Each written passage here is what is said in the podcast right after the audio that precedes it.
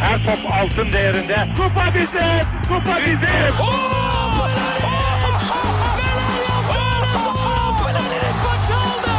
Dengeli de attı. İsabeti de buldu. Matta Fontervi.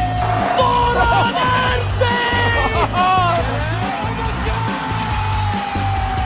Dışarı çıkardı.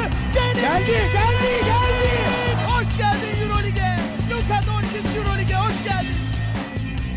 İkili Oyun'un 112. bölümüne hoş geldiniz. Ben Serkan Mutlu. Mikrofonun diğer ucunda Ege'nin amcaları Ali Aktif ve Tancan Fümen var. Selamlar beyler. Selamlar abi hoş geldin. Hoş Vay bulduk. be Ege, Ege de hoş geldi. Evet, özledim sizi ya. Podcast yapmayı özledim yani.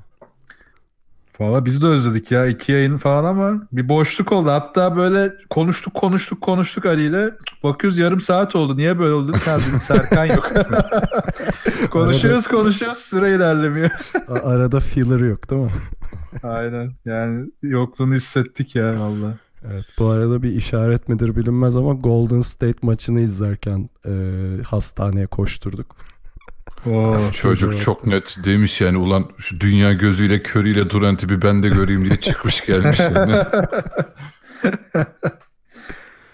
Ee, işte ne yapayım kaka temizleme efendim gaz çıkarma falan gibi gayet dünyevi şeylerle uğraşıyorum. Siz ne yapıyorsunuz? Abi- Nasıl geçti? Abi ne tesadüf ben de bu hafta Twitch'te onlardan bahsedecektim. Çocuk gibi. Ee, Euroleague konuşacağız sanırım. Ya ben biraz yabancısıyım abi. Beni şey yapar iki bölüm şey. Abi sen yokken acayip şeyler oldu yani. Çok çok şeyler oldu. Evet evet gördüm. Daçka konuşmama kararları falan alınmış. Bana kimse sormadı bunu. İyi olmuş elinize sağlık. oyunda çatlama.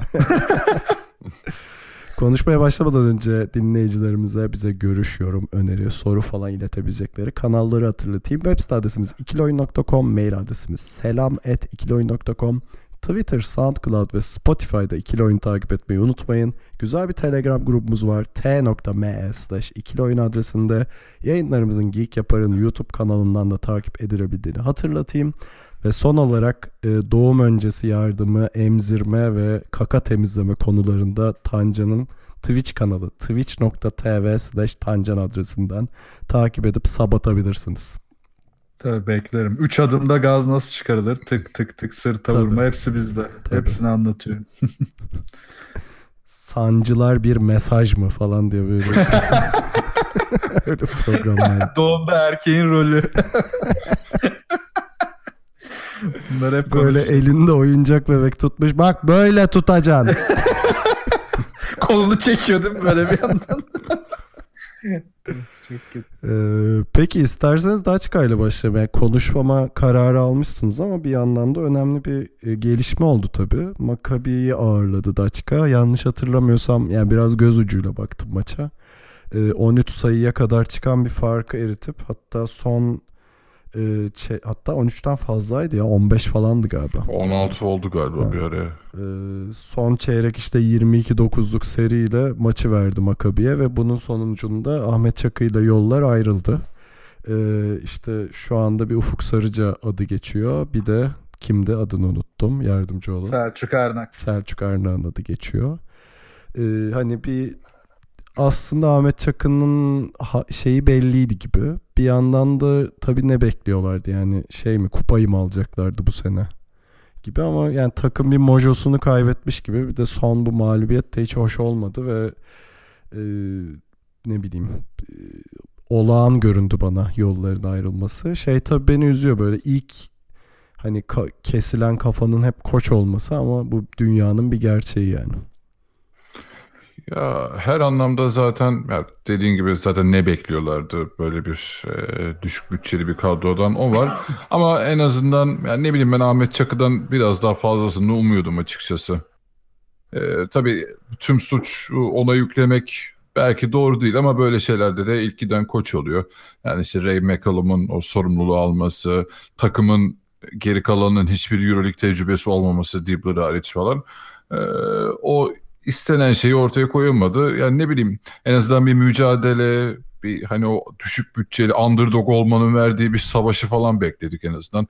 Diyelim Budućnos'ta bakıyoruz işte 3. galibiyetine ulaştı adamlar. Yani onlarda da işte e, hiçbir şey yok ellerinde doğru düzgün. Ama e, ne bileyim yani ben Ahmet Çakı'dan da bu sezon itibariyle hani Efes'e e, geldiğinde biraz bir ışık almıştık ama bu Daçka sezonu hiç şey vermedi yani. Ümit vermedi açıkçası koşluk anlamında. Biraz Berlin sezonu gibi oldu galiba ona. Yani orada da yüksek beklentiyle getirilip sonra pek istediklerini yapamamıştı. Ya benim gördüğüm hani daha önceki kayıtlarda da konuşmuştuk biraz ama yani Ahmet Çakı'nın e, ana eksiği takımdaki o ana strateji sorunuydu. Zaten stratejinin ne olduğunu bu kadar maç izledik. Ben hiçbir maçta anlayamadım. Sorun oydu bence zaten temel. Yani savunmada bile her maç farklı şeyler deneniyordu. Hücumda zaten tamam hadi hücum bir kenara bırakalım. Hani enstrümanlar az okey ama savunmada birçok stratejiyi bir türlü oturtamadı. Hep deneysel takılmaya çalıştı.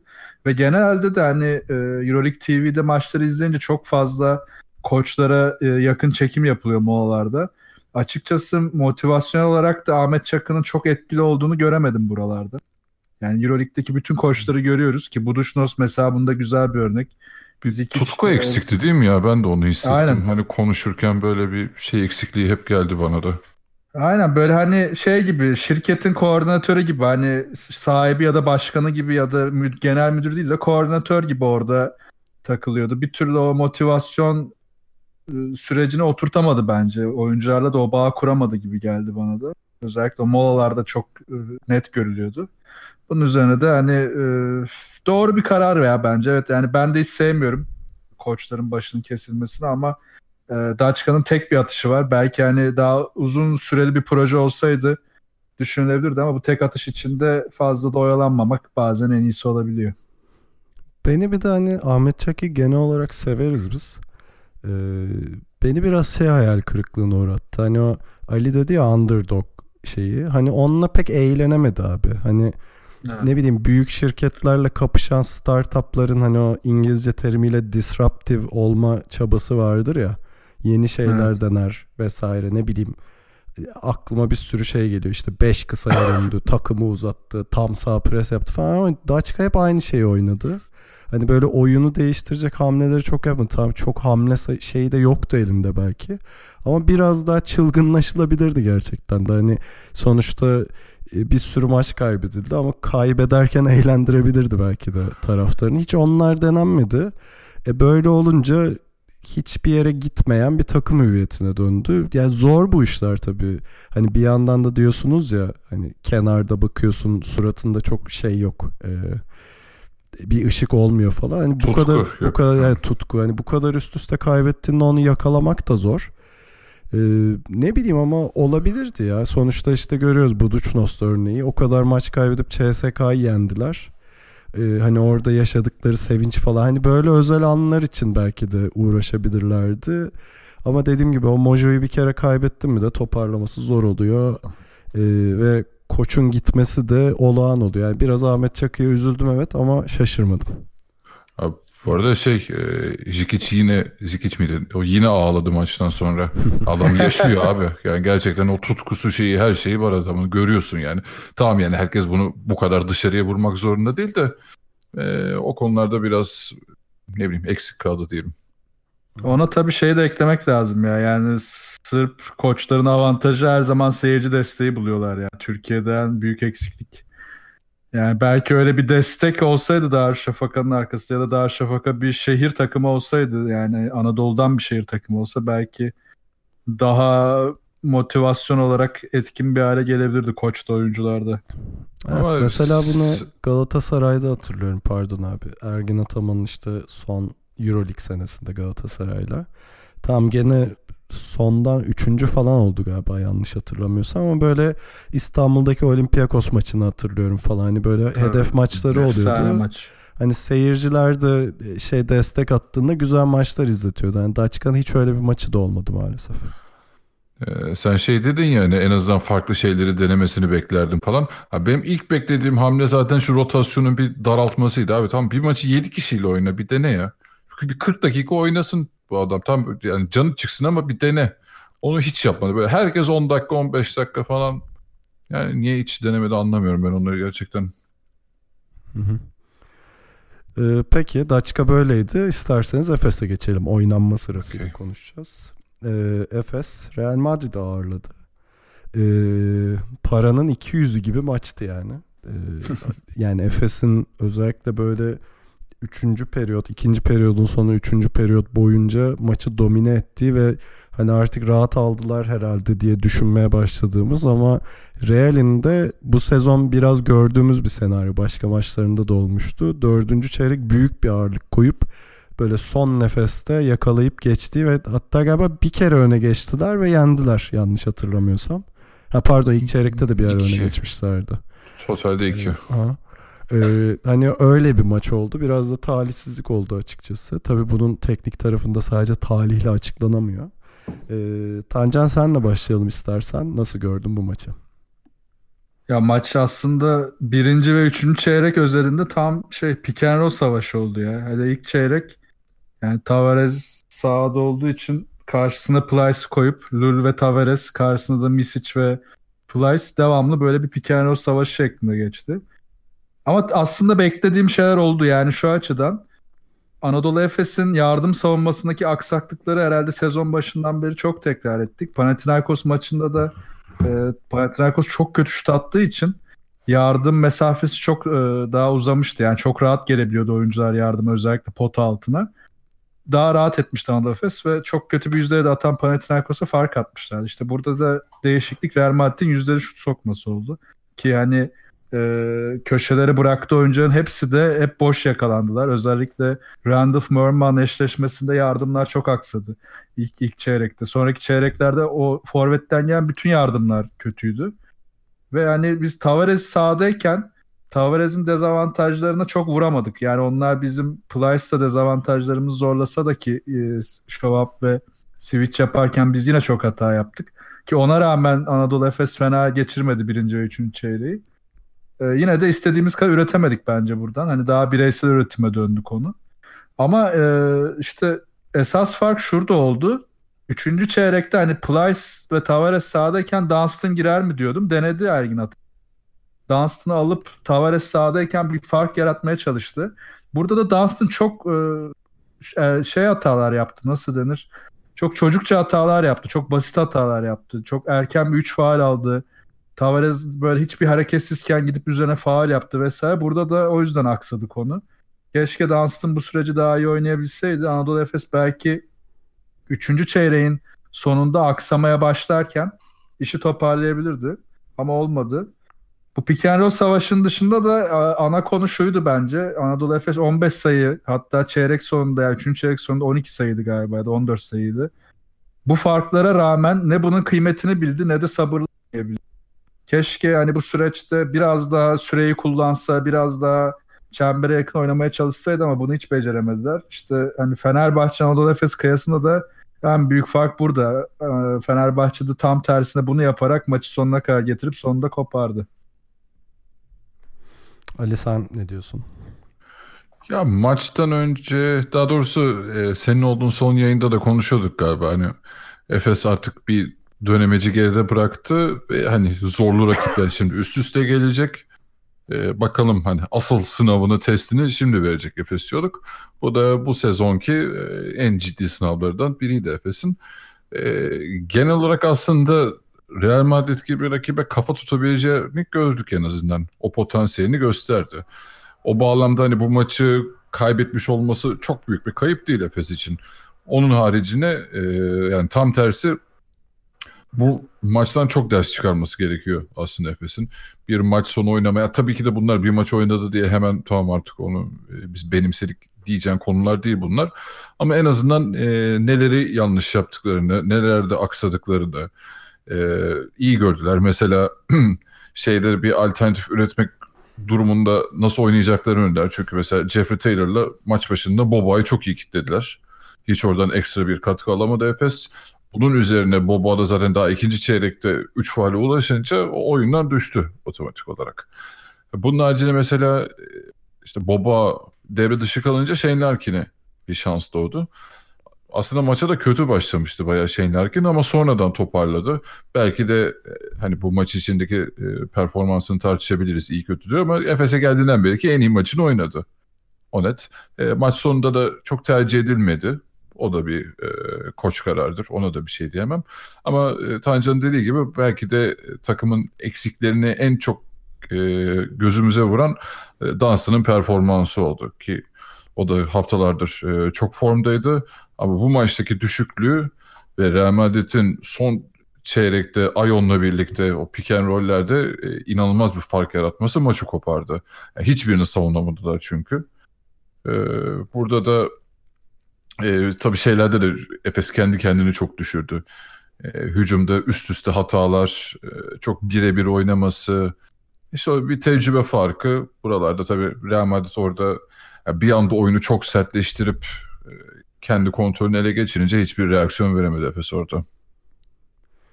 Ya ben genel olarak şeyi gördüm. Maç boyunca iki koç da bunu tercih etti. Tavares'le Plyce, e, Dunstan'la Ayon oynadı. E, Tavares Plyce eşleşmesinde e, Plyce daha iyiydi. Yani hem skor olarak zaten e, bunu gördük hem de Efes o sırada oyunu domine ediyordu. Ama Ayon e, Dunstan eşleşmesinde tam Dunstan çok iyi bir gününde değildi. Ama şimdi orada da yardım yükü tamamen Merman'a kaldığında bu sefer Merman öldü zaten 33 dakikaya yakın oynamış herif. Yani orada ne bileyim James Anderson, Brock Motum gibi adamların biraz daha hani şeyi center'ı desteklemesi gerekiyor. Çünkü şey e, Ayon gerçekten o işi iyi biliyor. Gördük yani işte ya e, pas istasyonu oluyor ya da ayak oyunuyla dönerek bitirebiliyor falan. E, üst üste oradan çok yara aldı Efes. Buna da karşı koyamadılar. Yani bir yandan maçın hikayesi de Ayon'un orada ağırlığını koymasıyla ortaya çıktı. Hani Merman şu yüzden öldü diyorum. Merman yardıma gittiğinde bu sefer forvetler boş kalıyor işte. Şeyde Trey Tompkins'e falan bayağı sayı buldu e, Real Madrid. Orada biraz daha dansına destek olmak gerekiyordu. Çünkü hani şeyi anlıyorum. Plyce'da Ayon'u tut- tutmak zor. Ee, ben de şeyi bekledim. Hani Plyce Dunstan ikilisini belki beraber oynatır mı diye. O riske de çok uzun süre giremedi sonuçta. Ee, ama bir yandan da Real'in Efes'i bitirme reçetesi o oldu. Ona da tepki verememiş oldu yani. Ayon'u çok iyi kullandılar ya. Ayon topsuz da çok iyi oynadığı için biz orada hiç yokuz zaten. Topsuz savunmada Anadolu Efes zaten en büyük zaaflarından biri hiç olmayınca e, orayı çok iyi kaşıdı Real Madrid. Hiç acımadılar yani. Ve hani şu sorun da var. Mesela Plyce'ı e, Tavares'e karşı evet daha iyiydi senin dediğin gibi ama Plyce'ı mesela e, pop-up yaptığında vesaire hiç topu çeviremedik. Yani bir kere iki kere çevirebildik. Çok fazla pozisyon vardı. Misic de burada Larkin de ikinci yarıda özellikle çok fazla e, topun sıkışacağı trafiğe girdiler. Oradan çıkamadılar. Bir türlü o top Plyce'a dönmedi. Belki de dön biraz daha Plyce tarafına çevirebilseydik topu terse de çevirebilecektik. Yani Plyce'ın atması da şart değildi. Yani ters taraftaki şutu da hiçbir, hiçbir türlü bulamadık. O da kötü oldu. Zaten e, top kayıplarının en çok arttığı yarı da ikinci yarı. Yani ilk ilk yarı 6'ya 10 iken top kayıpları Efes'le yine. İkinci yarıda 11'e 12'ye kadar geldi. Çok fazla top kaybı yaptık. Zaten son yaklaşık 11 dakikada yani 3. çeyreğin sonu 4. çeyrekle beraber de çembere yaklaşma sayımız 2 falan. Yani gidemedik hiç. Hiç yaklaştırmadılar biz oraya. Biraz da psikolojik oldu işte. Yani gidemedikçe daha da gidemedik. Yani korkmaya başladık. Özellikle Misi çok orada psikolojik olarak geride kaldı. Larkin zaten hani bir süreci çok iyi oynadı. Sonraki süreçte de baltaladı maalesef. Yani çok kötü tercihler yaptı. O dediğim konuda yani öndeyiz. Çok kritik süre kullanımı var. E, iki tane erken şut kullandı. Ya bunlar Anadolu Efes için şu an e, gereken şeyler değildi. Evet belki son noktayı koymak istedi ama bu seviyede daha erken de onun için. O da e, dönüşü kötü oldu Anadolu Efes'e. Ben de evet. Larkin'den konuşmak istiyordum. Pardon Ali. Ee, ya şeye katılıyorum. Evet, evet hani kağıt üzerinde evet iyi bir ma- maç çıkardı. Ee, ama belki de bu türde iyi oynayacağı bir maç bu olmasaydı keşke diye düşünüyorum. Çünkü Real bir, gibi bir takımı Efes hani oyunu dikte ederek rahat yenebilirdi. Ee, hani Larkin şey yaparken sayı atarken sorun yok ama e, Tancan'ın dediği gibi erken şut tercihi yani Efes'i ritimden düşürecek şeylerde Real çok çabuk geri geliyor. Çünkü işte hem yüzdeleri iyiydi özellikle Ee, hem de şeyde transition'da bitirme özellikleri var. Bence Larkin biraz ayağına sıkmış oldu orada. Yani Efes'in inatla oyunu dikte etmeye devam etmesi gerekiyordu. Mesela şeyi hatırlıyorum dördüncü çeyrek. İşte Tompkins bir üçlük attı. Orada Efes boktan bir hücum yaptı. Hani iyi savunma geldi Real'den. Bir de üstüne basket faul. Fark 8'e indi. Efes'in eli ayağı titremeye başladı. Hani bunun olmaması lazım. Öz- özellikle Efes o seviyede mücadele etmek istiyorsa. Biraz orada aksadılar yani. Bir de Larkin'in şeyi derhal bırakması lazım. O takımı çok yaralıyor. Ee, pick and roll sonrası içeri e, içeriği deldiğinde abi yani o koridoru yakalayamazsa topu tutuyor. Hemen dışarıya çıkarıyor. Ha, hemen de değil daha doğrusu işte hücumun bitmesine 3-5 saniye kala dışarı çıkarıyor uzuna.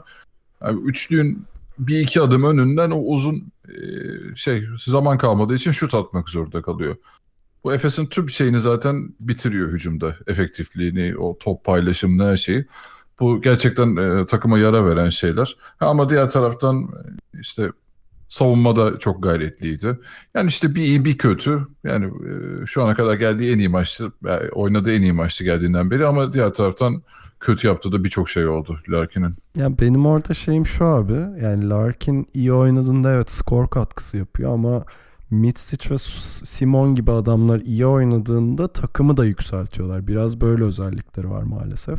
Hani orada Simon biraz tekledi ve Efes geriye düşmüş oldu. Yani ne bileyim Larkin yerine Simon'un iyi performans gösterdiği bir maç olsa Efes bence 10-11 sayıyla almıştı maçı yani. Lasso çok akıllı ya. Ya Simon'un devreye gireceği her anda yani bu işte sağ içi liderliğinin kaybolduğu bir türlü hani çembere yaklaşamadık dedim ya. Bir yerde artık Merman delirip topu dışarıdan vura vura böyle çembere yaklaşıp sonunda bir tane yakın sayı buldu. Dördüncü çeyreğin sonlarına doğru. Zaten çok az sayı attık. 8 sayı attık galiba son çeyrek. Evet, İşte bu, bu anlarda Simon e, her devreye girmek için hamle yaptığında hemen baskı geldi. Topu çalındı, sıkıştırıldı. Lasso onu çok iyi çözmüş. Yani Misic'le Larkin'in hatta Boboa'nın bozulacağına emindi. O noktalarda da Simon'un devreye girip takımı ele almasına hiç izin vermedi. E, Lasso'nun da buradan ne kadar e, çakal bir koç olduğunu da bir kez daha gördük. Ee, peki teknik olarak ekleyeceğiniz bir şey yoksa e, hani sonrasına dair bir gözlemim olacak. Teknik olarak e, ya bir tek şu rotasyon konusunu hep konuşuyorduk. Onu bir ekleyebilirim. Mesela Bobo, Bobo Larkin Misic bir ara sahadaydı. Yani bu üçlü sahadayken savunma o kadar hızlı kontrolden çıkıyor ki bir türlü toparlayamıyoruz. Bunun hani dengesini sırf Larkin'i oynatmak için bozuyorsa Ergin Ataman artık yani arada vazgeçiyordu. Dün yine zorladı. Yani dün Real Madrid maçında. Artık yapmasın ya. Gerçekten gerek yok yani. Hele ki böyle kritik maçlarda biraz daha topun kıymetini bilecek, daha sakin oynayacak, çembere daha yakın oynayabilecek bir rotasyonu ve savunmayı kurması lazım. Hı hı. Şimdi benim bahsetmek istediğim şey Ergin Ataman'ın maç sonu açıklamaları. Ee, yani benim hep söylediğim bir şey vardır Ergin Ataman'la ilgili. Kesinlikle winner bir koç olduğunu düşünüyorum. Ama raydan çok kolay çıkıyor. Hani geçtiğimiz senelerde gördüğümüz bir şey. Hani Efes'i bunca övdük ve Ergin Ataman'ın kurduğu sistemi e, işte her şeyi yani tek tek oyuncularını falan ama Efes'in oyun önündeki bence en büyük tehlike Ergin Ataman'ın o dark side'a geçme durumları. Kesinlikle oradan uzak durması lazım. İşte maçtan sonra şey açıklaması vardı. Kariyerimde 16-17 kupa var. Bu sene de Euroleague alacağım falan tadında konuşmaları. Bence Efes'in şu anki hali için çok da hayırlı bir şey değil yani. O havaya kesinlikle girmemesi gerekiyor. Çünkü takım iyi gidiyor. Orada güzel bir hava yakalanmış. Evet zorlu bir virajda Real'e karşı kaybedildi falan. Şimdi Olympiakos deplasmanı var. Sonra CSK ile oynanacak falan. Hani bence biraz daha takımı motive etmeye. Yani ben işte kupa kazandım bunu da kazanacağıma değil takım olarak yükselmeye orada yatırım yapsa daha iyi olur. O beni korkutan bir şey oldu açıkçası. Abi yani çok yıllardır zaten biz Ergin Ataman'ı konuşuyoruz. Kendi aramızda da hep konuşuyorduk. Yani o ego adamın içinde var. Ve ben yani belki basına karşı bunu çok yansıtmadı bu sezon. Bir yerden çıkacaktı. Ee, bu maç sonunda çıkmış oldu. Yani umarım bu seviyede kalır. Ya o kadar kırmızı alarm vereceğim seviyede Aynen. değil ama hani hocamın geçmişini de bildiğim için bizi de dinlediğine eminim hocam. Ee, Yok gerçekten biraz şey oldum. Çünkü Efes'in evet güzel giden bir havası var. Tatsız bir mağlubiyet oldu evet ama gene de bence Efes mesajı verdi yani Real'le başa baş oynuyorum. Real'in kıçını sıkması gerekiyor beni yenmesi için. Mesajı bile güzel bir mesaj. Orada hani kamyonu şey yapmaması lazım. Böyle e, virajda yüklememesi lazım açıkçası. Ya bir koçun ben demesi aslında güzel bir noktadan girdim. Ben demesi işte bu tip takımlardaki yani yeni sayılacak bir takım Anadolu Efes eski oyuncuları olsa da çok hızlı bir e, güven sorunu yaratabilir. Yani üzerinde ekstra bir yük yaratabilir. Ki biraz da Real Madrid maçının sonu buna bir işaret. Hani ben dediği için de ama işte takımın psikolojik olarak daha çok güçlü olmadı. Yani mental olarak buralara çok hazır olmadığı belli. O yüzden Ergin Ataman'ın söylem olarak dikkat etmesi yani basına karşı değil de biraz daha takıma karşı olmalı. O yüzden dediğin doğru. Umarım hiç şeye hiç girmez biliyorsun. İşlerde yolunda gitmezse Ergin Ataman oyuncuları kamyonun altına atmaya başlar. O hiç istemediğimiz bir şey. Zaten Şu ana kadar Hı hı. Benim korktuğum şey o abi. Şimdi Olympiakos deplasmanı var. Olur olur yani yenilebilirsin. Çünkü zor bir deplasman orası. Hani geçmişine de bakarak korktuğum şeyler onlar. Daha önce bu filmi görmüştüm yani ben. Ya orada güven veren konu şu yani bildiğimiz kadarıyla Simon'la arası zaten hani istediği bir oyuncu olduğu için iyi. Bir tek benim hani korkacağım adam orada Larkin olur.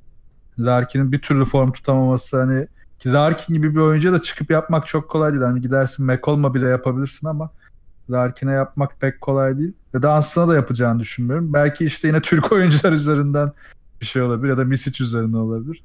Ama dedim umarım yapmaz yani. bu arada şeyi çok merak ediyorum. Olympiakos maçı nasıl olacak? Ee, bilmiyorum gördünüz mü de Olympiakos Žalgiris maçında bayağı olay çıktı. E, Olympiakos bench'inde. Öyle Ya mi? ben Yok, görmedim. Ee, şey abi daha son iki haftadır e, bahsediyorduk zaten David Blatt'le şey arasında Spanulis arasında hani bir gerilim olur mu? Biliyorsunuz yedek oturttu falan maç sonlarında Fenerbahçe maçının Evet, sonunda evet. falan. Ee, oyundan çıkarken bayağı hareket yaptı kenara Spanulis. Bence gittiğinde de böyle parmağıyla göğsüne basarak hani benden sorulur buralar tarzı bir şey hareketi oldu. Orası hiç iyi değil yani orada durumlar şu an. İyi Efes'e yarar bu ya. Aynen. Bu arada tam tersi tabii Olympiakos deplasmanında alabi- alacağı bir galibiyet de Efes'in şeyini yükseltir o da kesin. Tabii canım. Yani Ergin Ataman'a da iyi gaz verir oradaki. Gelecek bir galibiyet. Ee, neyse kritik bir maç olacak. Dediğim gibi ben bir korkumu dile getirmek istedim. Ee, ama umarım o, o şekilde olmaz yani benim korktuğum senaryoda olmaz diye düşünmek istiyorum. Haklı bir korku. Ee, isterseniz kısa bir ara verelim. Sonra Fenerbahçe'nin e, Panathinaikos deplasmanını konuşalım.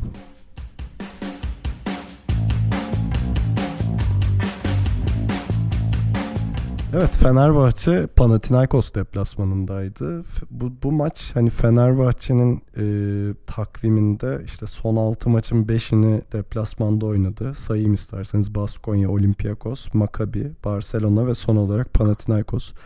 Hani bunlar özellikle taraftar baskısının da yoğun olduğu deplasmanlar. Ee, ama Fener'e vız geldi, tırs gitti e, kelimenin tam anlamıyla. Bunun tamamından galibiyet çıkarmayı başardı. Ee, ve son Panathinaikos maçı da yani benim için biraz şöyle hani girişi yapmış olayım. Evet ilk 3 şeyde çeyrekte e, skor olarak başa baş olsa da ben çok rahat bir maç izledim. Yani Fenerbahçe'nin çok rahat bir şekilde bu maçı alacağından emin bir şekilde izledim. E, hiç de şaşırmadım çünkü e, şimdi Ali'ye vereceğim sözü ama Panathinaikos'un son yılların en kötü kadrosunu kurduğunu düşünüyorum. Yani hiçbir şekilde Fenerbahçe ile baş edebilecek bir 5 çıkarma şansı yoktu bence Pascual'in. Elinden geleni yaptı evet ama e, son raddede olacak belliydi ve oldu gibi geliyor. Ali katılıyor musun? Abi kesinlikle yani Panathinaikos'tan başlıyorsak zaten ya abi Antetokounmpo ile 5 çıkıyorsun ya. Onu ben hiç anlam veremedim zaten. Diğer tarafta Keith Langford var. Tamamen başına buyruk bir adam o da zaten. Yani tamamen kendi skorunu üretmeye odaklı. Zaten başka bir şey yok yani. Ben Panathinaikos'un yapısı o değil. Ee, ya diğer taraftan işte Gisli, Karatesli zaten şut sorunu olan, olan adamlar. E, Deşan Thomas bence kenardan gelmesi gereken bir isim. Yani Panathinaikos gibi bir takımda. Bilmiyorum ben çok ben de senin gibi hiç beğenmiyorum yani şu anki kadrosunu. Ee, neyse yani Fenerbahçe dediğin gibi yani gerçekten bu sezon çıktı 11 maçın 7'sini deplasmanda oynadı ki bu 7 deplasmanın 6'sı falan da işte Avrupa'nın en zor deplasmanları kabul edilen yerler. Ya Fenerbahçe gerçekten çok ayrı bir seviyeye çıktı bu sene. Ben de hala şaşırarak izliyorum yani daha hani Obradovic'in takımını da işte yıllardır izliyoruz. Daha neye şaşıracaksın? Şampiyon bile ol ama yani gerçekten ya bu e, daha şimdiden Aralık'tan bu seviyeye gelmiş olması çok alışık olduğumuz bir şey değil açıkçası. Hep işte Şubat'ta Mart'ta e, tepe yapardı zirvesi Fenerbahçe'nin. Şimdiden e, silip süpürmeye başladı. Hep dedi, yine dediğin gibi ilk üç çeyrekte çok e, bir şey üretemedi Fenerbahçe. Çok top kaybı yaptı. Ama maçı kendi kontrolünden çıkmasına hiç izin vermedi. Ve Panathinaikos'a sadece kendi izin verdiği kadar sayı bulabildi. Yani Fenerbahçe'nin boşluk verdiği alanlardan sadece Panathinaikos bir şey üretebildi. Onun haricinde hiç hani "Aa, Panathinaikos geliyordur öne geçecekler falan hani bir endişesi bile olmuyor izlerken Fenerbahçe maçlarını. Ya, bu arada ben şeye değinmek istiyorum. Yani Veseli'nin çok acayip performanslarını izledik bugüne kadar. Belki bu istatistik olarak belki bundan çok daha e, üst düzey maçları olmuştur. Ama olgunluk olarak Veseli'nin geldiği seviye izlerken vay be dedim yani. Bu kadar ben de çok bunu ol- ben de bunu söyleyecektim. Ee, Bence Veseli'nin oynadığı en iyi maç buydu. Yani evet böyle çok görkemli hani üst üste smaçlar basıp seyirciyi delirttiği maçlarını izledik. Ama oyun anlamında, olgunluk anlamında izlediğimiz en net Veseli buydu. Ee, ve buna Aralık'ta geçmesi bu havaya e, ya çok net bir mesaj. Fenerbahçe ben Final Four'dayım diyor açık açık bence şu anda. Kesinlikle ve bu arada şey Veseli 7 asist yapmış bu maçta. Sulukas'tan bile fazla. Oralara Ya- gireceğiz dur bakalım yavaş yavaş. Yani orada bir pas istasyonu olması falan yani oyunu her iki tarafta da bu kadar olgun oynaması e, işte Lovern'i çok iyi beslemesi falan e, ya top kayıpları hariç çok acayip e, çok iyi oynadı Fenerbahçe ve işte hani 3 üç çeyrek tuttu maçı dördüncü çeyrekte de vurdu geçti. Hiçbir zaten buna verebilecek bir yanıtı yoktu Panathinaikos'un. O anlamda hani sanırım yanılmıyorsam o e, Bogdanovic'le geçtiği e, playoff sezonu haricinde ilk defa e, normal sezonda Panathinaikos'u yenmiş bile Fenerbahçe. O da var. Evet galiba 18 kere oynamış. 16'sını Panathinaikos kazanmış. 2 galibi yani bu maçtan önce. 2 galibiyette işte Bogdanovic'li sezonda Yudo Bogdanovic'li Fener'in kazandıkları. Ama gerçekten ben iki takım arasındaki kalite farkının Panathinaikos lehine bu kadar bozulduğu bir maçı da ilk kez gördüm yani. Aleyhine düşük. pardon. Aynen. Çok düşük canım Panathinaikos. Hiç oralarda değil. Aa, Ben de neyse şeyden Tancan gireyim. vardı ya pardon abi. Şeyden gireyim. E, Antetokounmpo konusundan. Bence Pascual Barcelona maçını izlemiş Fenerbahçe'nin ve Barcelona'da işte o Adam Hengel'ı dönemde yaptıkları savunmayı kopyalamaya çalışmış. Yani Antetokounmpo ile başlayan o atletik daha atletik, nispeten atletik diyeyim ya da. 5'te Fenerbahçe'ye biraz daha baskılı, biraz daha top içerideyken sıkıştırma getirebileceği bir savunma planlamış ama bunu maçın başında 2-3 kere yapıp bırakarak hani Fenerbahçe'yi zorlayamazsınız. Bunu ya Žalgiris gibi 40 dakika yapmanız lazım ya da geçen seneki Olympiakos gibi 40 dakika yapmanız lazım ki Fenerbahçe'yi kendi sahasında öyle yenmişti Olympiakos'ta.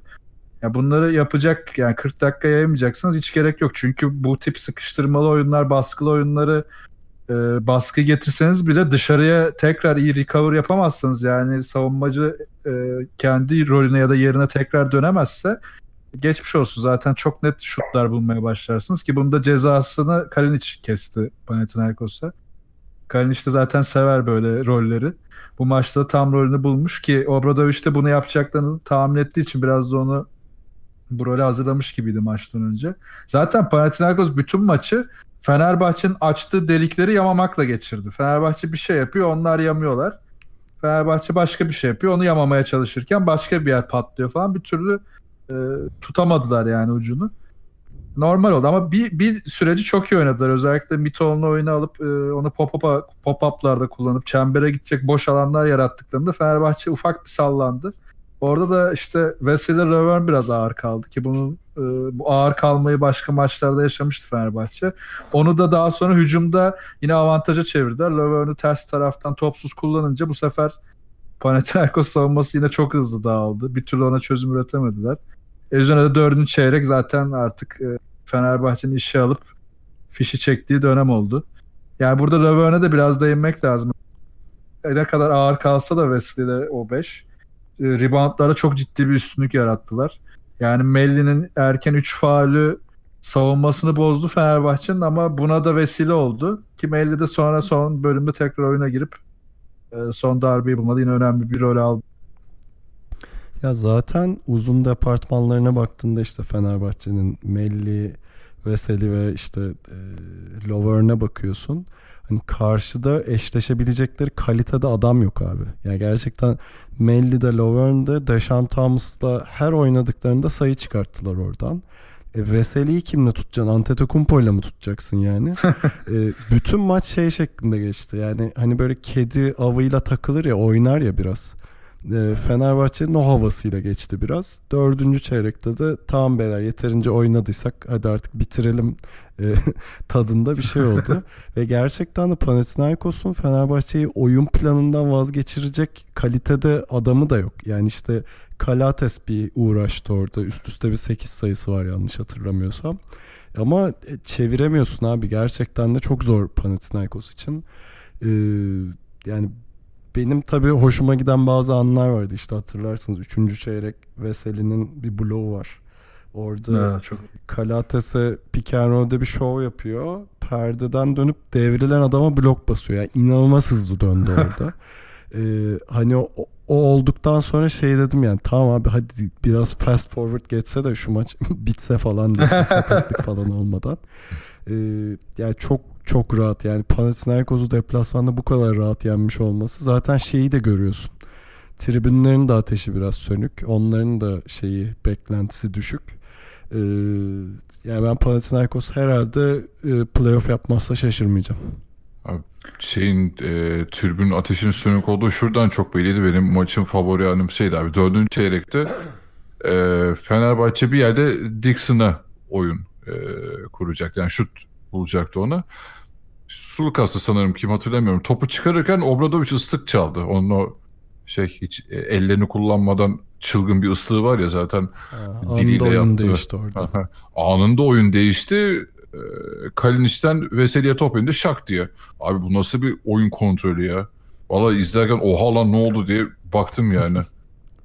ya şey o zaten hani o bildiğimiz Panathinaikos deplasmanı olsa belki Obradoviç onu sahaya yansıtamayacak. Hani orası yanıp yıkılacak. Sen orada bir ıslık çaldığına belki herkes duymayacak onu. Ama işte o ortamdan da şey çok iyi faydalandılar. Fenerbahçe bir de alıştı oraya ya. Geçen yani iki sene önceki o playoff ortamından sonra Fenerbahçe'ye bir alışkanlık geldi Panathinaikos deplasmanında.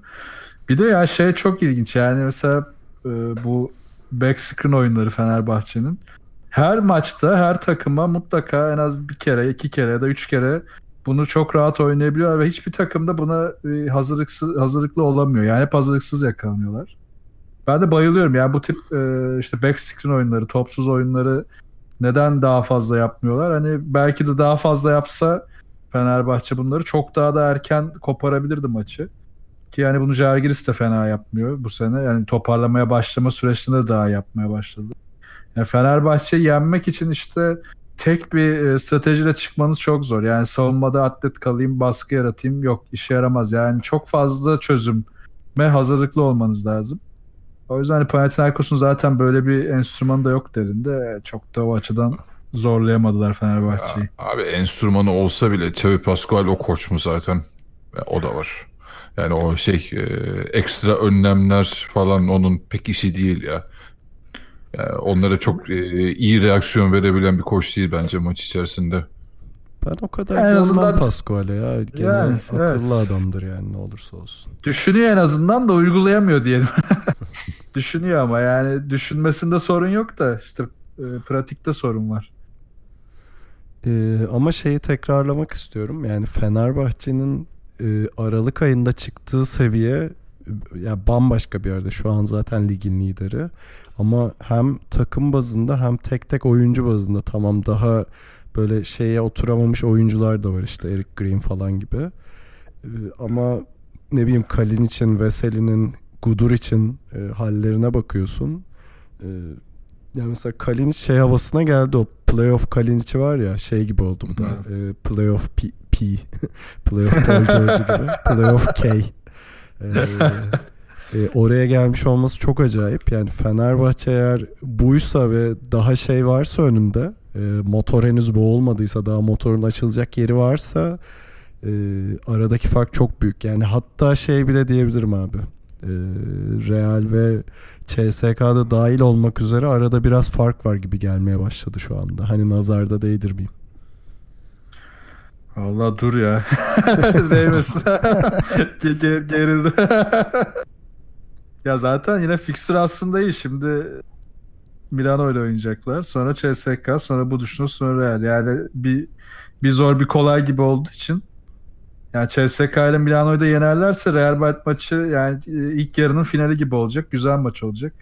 Bence çok kolay olmaz yine ama evet Fenerbahçe'nin bu tepedeki diğer iki takımdan da şu anda form olarak daha iyi oldu. Çok açık.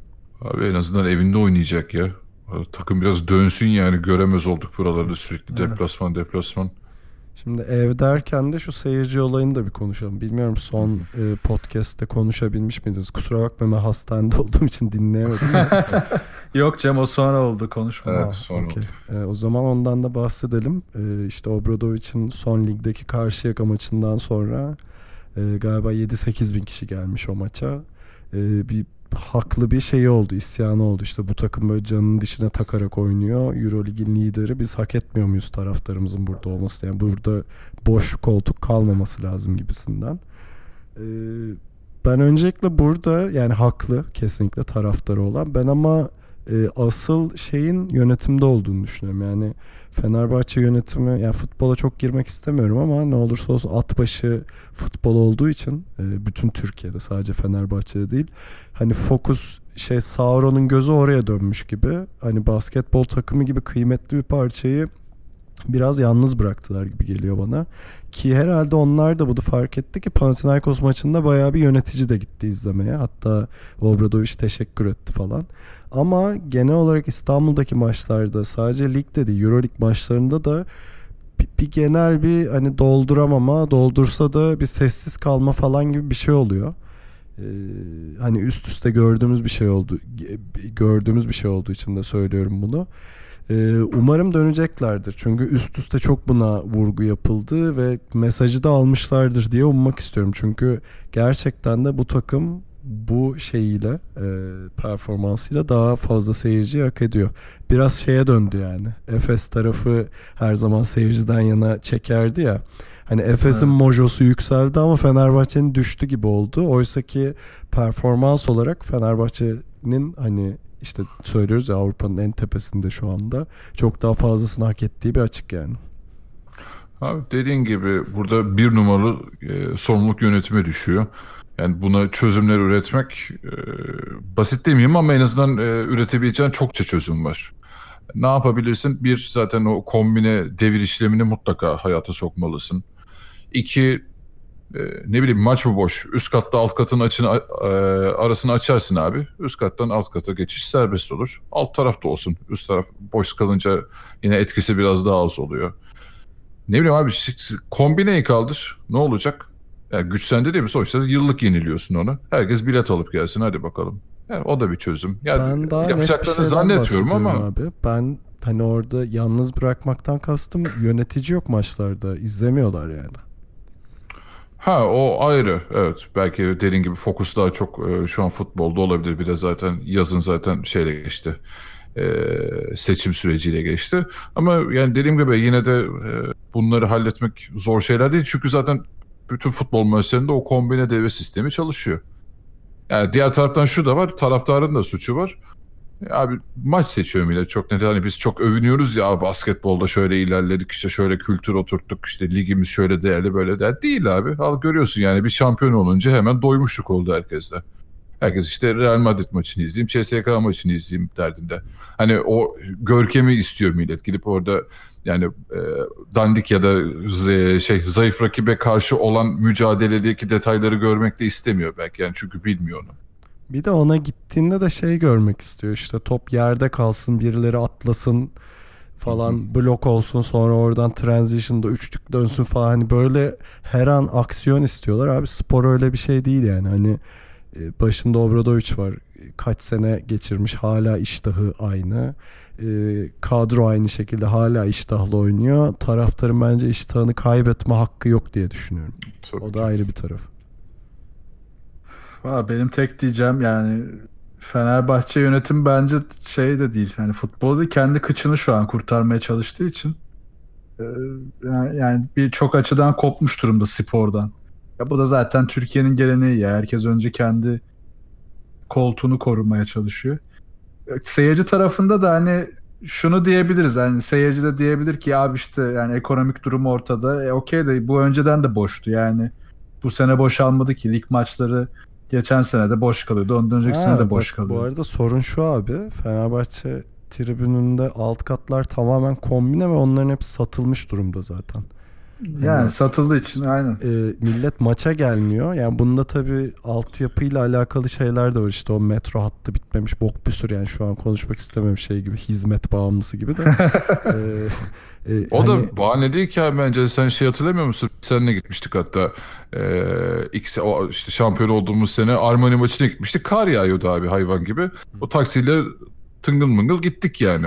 Ve doluydu o gün salon. Kimse bana şey anlatmasın ya abi işte hava kötü, kış yok salona ulaşım zor falan. Gitmek isteyen gider abi o, o kadar da şey dert değil.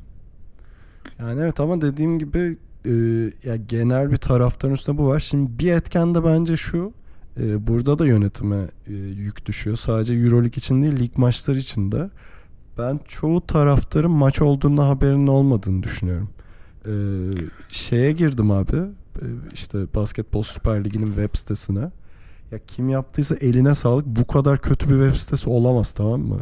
ya böyle maçlara tıkladım. Bana şeyden başlatıyor. Ağustos'tan başlatıyor maçları. Abi önümüzdeki maç programını görmek istiyorum izninle ya. Zaten çok kötü tasarım falan. Hani e, o da ayrı ama bence yönetimin kendi kanalları, sosyal medya kanalları olur her neyse. Sadece böyle Twitter'da post çıkıp bu akşam belediyeyle oynayacağız. Haydi çocuklar değil. Hani biraz da proaktif olabileceği e, şekiller var. E, hani Anadolu Efes bunu çok daha yapıyor. Çünkü hani daha fokuslar o, o noktada. Hani biraz Sauron'un gözü oraya dönse iyi olur. Çünkü bu takım sonuçta yıllardır e, aynı şey yükselterek hatta seviyesini basketbol oynuyor. Final Four yapıyor ve Avrupa'nın vitrininde en tepesine de çıkmış bir takım. E, çok daha fazlasını hak ediyor hem taraftarından hem yönetiminden diye düşünüyorum. Çünkü biraz şey gibi abi. Ya tamam işte Obradoviç var hallediyoruz para da verdik e, kadroyu da şey e, koruduk yeni adam da aldık falan o kadar da değil abi sonuçta bu şey değil ki bahçe yani bakmazsan otlar sararır nasıl gön şey benzetme Sinema filmi gibi oldu güzel oldu. Abi valla şeyden biraz içinizi karartayım ya da dinleyenlerin. Yani Obradovic hani ne zaman bitiyor sözleşmesi bilmiyorum. Bir iki sezon daha burada yanlış hatırlamıyorsam. Obradovic gittiği anda bence Fenerbahçe zaten bütçeyi düşürecek abi. Her sözleşmesini uzatırsa tabii ki de Obradovic bur- buradayken o bütçe düşmez. Ama gittiği anda ki bir de Murat Onoğlu şey dedi biliyorsunuz Juventus falan ilgileniyormuş gerçekten. Kim ilgilenmez gerçi o da var da. E, Obradovic tamam artık benim buradaki misyonum bitti dediği anda Fenerbahçe'de bütçeler düşer abi. Sonra playoff zorlayan takım durumunda düşersin en fazla. Yani aynı şeyi korumaz. Çünkü bayağı bir e, gideri var bu basketbol şubesinin. E, aynı yatırım yapacaklarını ben düşünmüyorum. ya şöyle bir durum var. Geçen bu sayılara bakıyordum da bir Twitter'da şimdi paylaşan kişinin adını unuttum kusura bakmasın. Yani bu işleri iyi bilen, takip eden biri işte uluslararası e, kulüplerin çok büyük kulüplerin hem amatör tarafı hem işte basketbol tarafına hem de işte futbola harcadığı paraları, kar zarar durumlarını falan açıklamışlar ve onları değerlendirmişti. Zaten hani e, hadi Türkiye ekonomisini bir kenara bırakıyorum. işte Barcelona, Real Madrid, işte Bayern Münih falan bunlar futbolda da çok ciddi paralar dönmesine rağmen e, tabii orada başka konular da var. Hani zarar göstermenin ya da karlılığı düşük göstermenin başka tarafları da var. O ayrı bir konu ama genel olarak hepsi zaten amatör sporlarda, basketbolda ya da işte diğer e, yan sporların hepsinde zarar ediyor ve cepten para veriyorlar. Ve buna tamamen odakları kendi açıklamaları içinde de hani takımın e, genel olarak dünyaya da yansıma olarak kendi e, ülkesi içinde de yansıma olarak o prestiji korumak. Yani basketbolda olmak biraz da bu hani NBA'in belki global etkisinden de kaynaklı. Yani basketbola ulaşmaya istiyor seyirci de. Yani herkes NBA Amerika'ya gidip maç izleyemiyor. O basketbola ulaşma içgüdüsünü destekleyen şeyler bunlar. Eğer Türkiye'de bunu da kaybedersek yani en azından Fenerbahçe ve Anadolu Efes belki ucundan işte Beşiktaş, Galatasaray, Darüşşafaka yatırımları iyice kapatırsa inanılmaz düşürürse geçmiş olsun. Hani kulüp olarak da bunların e, globalde varlığını sürdürmesi çok zor olur. Tamam biz şimdi futbol odaklı bakıyoruz konuya evet e, sesini duyuracağı kısım Türkiye'nin orası. Ama zaten ekonomik olarak e, sıçtığımızda orası daha hızlı batacak. Zaten battı da daha da hızlı yok olacak. Bu sefer e, piyasadaki e, prestij gücün iyice düşmeye başlayacak. En azından basketbol bunu bir kenardan koruyor. Yani o, o kararı almak çok büyük risk. İşte bu kararı da hani taraftar hep diyor ya biz takıma sahip çıkıyoruz sahip çıkıyoruz. İşte her yerden sahip çıkman lazım. Yani o takımın taraftarı olmayıp da maça giden çok izleyici var Türkiye'de. Yani Fenerbahçe'de, Efes'e de, zamanında Galatasaray'da birçok seyirci böyle gitti. Ki ben de onlardan biriyim. Yani bu üç takımda hep maçlarına gittim ben kaç sene boyunca. Bu sezon hani vaktim olmadı gidemedim ama e, bu seyircileri de kaybedersek yani bas, takım taraftarı olmayan seyirci de kaybedersek Türkiye'de spor zaten iyice dibi görür. Biz de e, podcastleri sadece NBA'ye çevirir devam eder. Ha değil mi? Zaten enayi gibi yapıyor. zaten kimse dinlemiyor.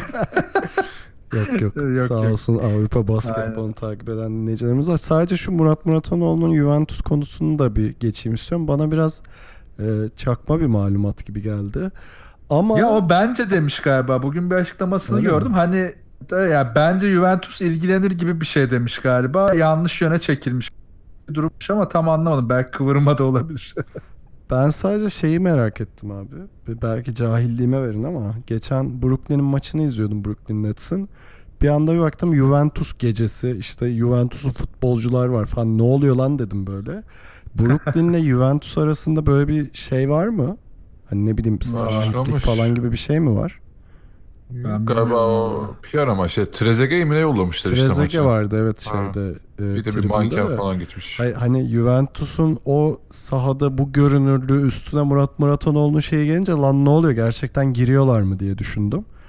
Ee, ne alaka zaten Brooklyn'de Juventus gecesi hani bilmediğim bir şey mi var sahiplerin ortaklığı mı var nedir yani ee, belki biliyorsunuz ya biraz... ama girmek isterken belki de Amerika'da hani Juventus'un futbol işte dediğim konuya geliyor aslında. Belki de bir şu muhabbet dönüyor bu. FIBA üzerinden de dönüyor. Amerika'dan yatırım özellikle İngiltere ve İtalya için. Belki bu da o kapsamda olabilir. Ee, geçen İngiltere'de ilgili bir proje yapılmıştı bununla. Yani biraz Amerika tarafından paralı yatırımcıları buradaki basketbola aktarıp bir e, yeniden canlandırma fikri var. Bu da o çerçeve içerisinde bir şey olabilir yani bir çalışma olabilir. Bu arada Brooklyn şeyinde salonunda Trezeguet'i 6 kişi falan tanıyordur herhalde. işte Amerika'da şey oynamış mıydı Trezeguet Belki oradan falan tattım. Ha, sanmıyorum ya. Var mı bilmiyorum. Şey dikkatinizi çekmiştir. Ee, Paris Saint Germain'le de Jordan'ın bir ortaklığı oldu. Sponsorluk gibi. Abi onu ben bir şekilde içeriden sordurdum tanıdıklara.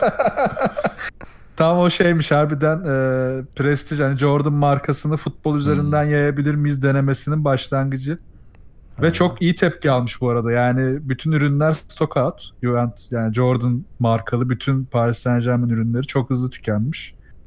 Muhtemelen de bir daha çıkmayacak. Yani böyle koleksiyon ürünü gibi oldu ama işte bunun üzerinden yine Amerika'yı da Avrupa'ya bağlama konusu var. Yani futbol üzerinden de Jordan markasını yayıp öyle bir algı yaratmayı istiyorlar gibi bir ortam var.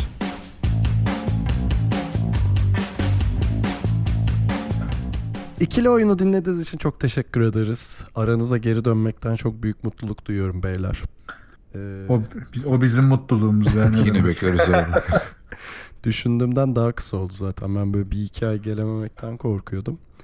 Ee, bu arada hani dinleyicilere de şey diyeyim hani çocuğum kaka yapar şey yapar gelemem. Böyle şeyler yaşanabilir yani. ama, Yayın sırasında kayboluyor falan değil mi? İkinci yarısında yok. ama yok. bir anda Elden geldiğince geleceğim. Zaten şeye de yaradı. Ne bileyim gece böyle çocuk uyuturken maç izliyorum falan. Hani ona da yaradı. M- NBA tarafında öyle bir artısı oldu yani. Ee, dilerim daha fazla kaçırmam. Injury prone muyum acaba ben Tancan? böyle bir işaret olabilir. Aslında ev müsait olsa gece de yapar. Gece 2'de sürpriz mi? yayın. Sonra bana odunla vursun bizim hanım. Peki kapatmadan bize görüş, yorum, öneri, soru iletilebilecek kanalları hatırlatayım. Web site adresimiz ikiloyun.com, mail adresimiz selam.ikiloyun.com, Twitter, SoundCloud ve Spotify'da ikili oyun takip etmeyi unutmayın. Telegram grubumuza bekleriz. t.me slash ikili adresinde yayınlarımızın Geek Yapar'ın YouTube kanalından takip edilebildiğini hatırlatayım. Son olarak bebek çocuk bakımı konusunda uzman pedagog Tancan Füme'nin e, twitch.tv slash tancan adresindeki e, Twitch kanalına da abone olmayı unutmayın. Yani beklerim ya. Mutlaka çocuklarınıza büyük kıyafet alın. Çok hızlı büyüyorlar. Bir Dikkat edin. de Buna ilk dikkat edin. 6 ay anne sütü çok kritik. Anne sütü çok önemli. evet. Anneler bizi sövüyor değil mi şu anda? Hiçbir Gerçekten yok. kıçımızdan atıyoruz bir de ya. Peki NBA yayınında görüşeceğiz herhalde yakın zamanda. Kendinize iyi bakın ve hoşçakalın. Hoşçakalın. Görüşürüz.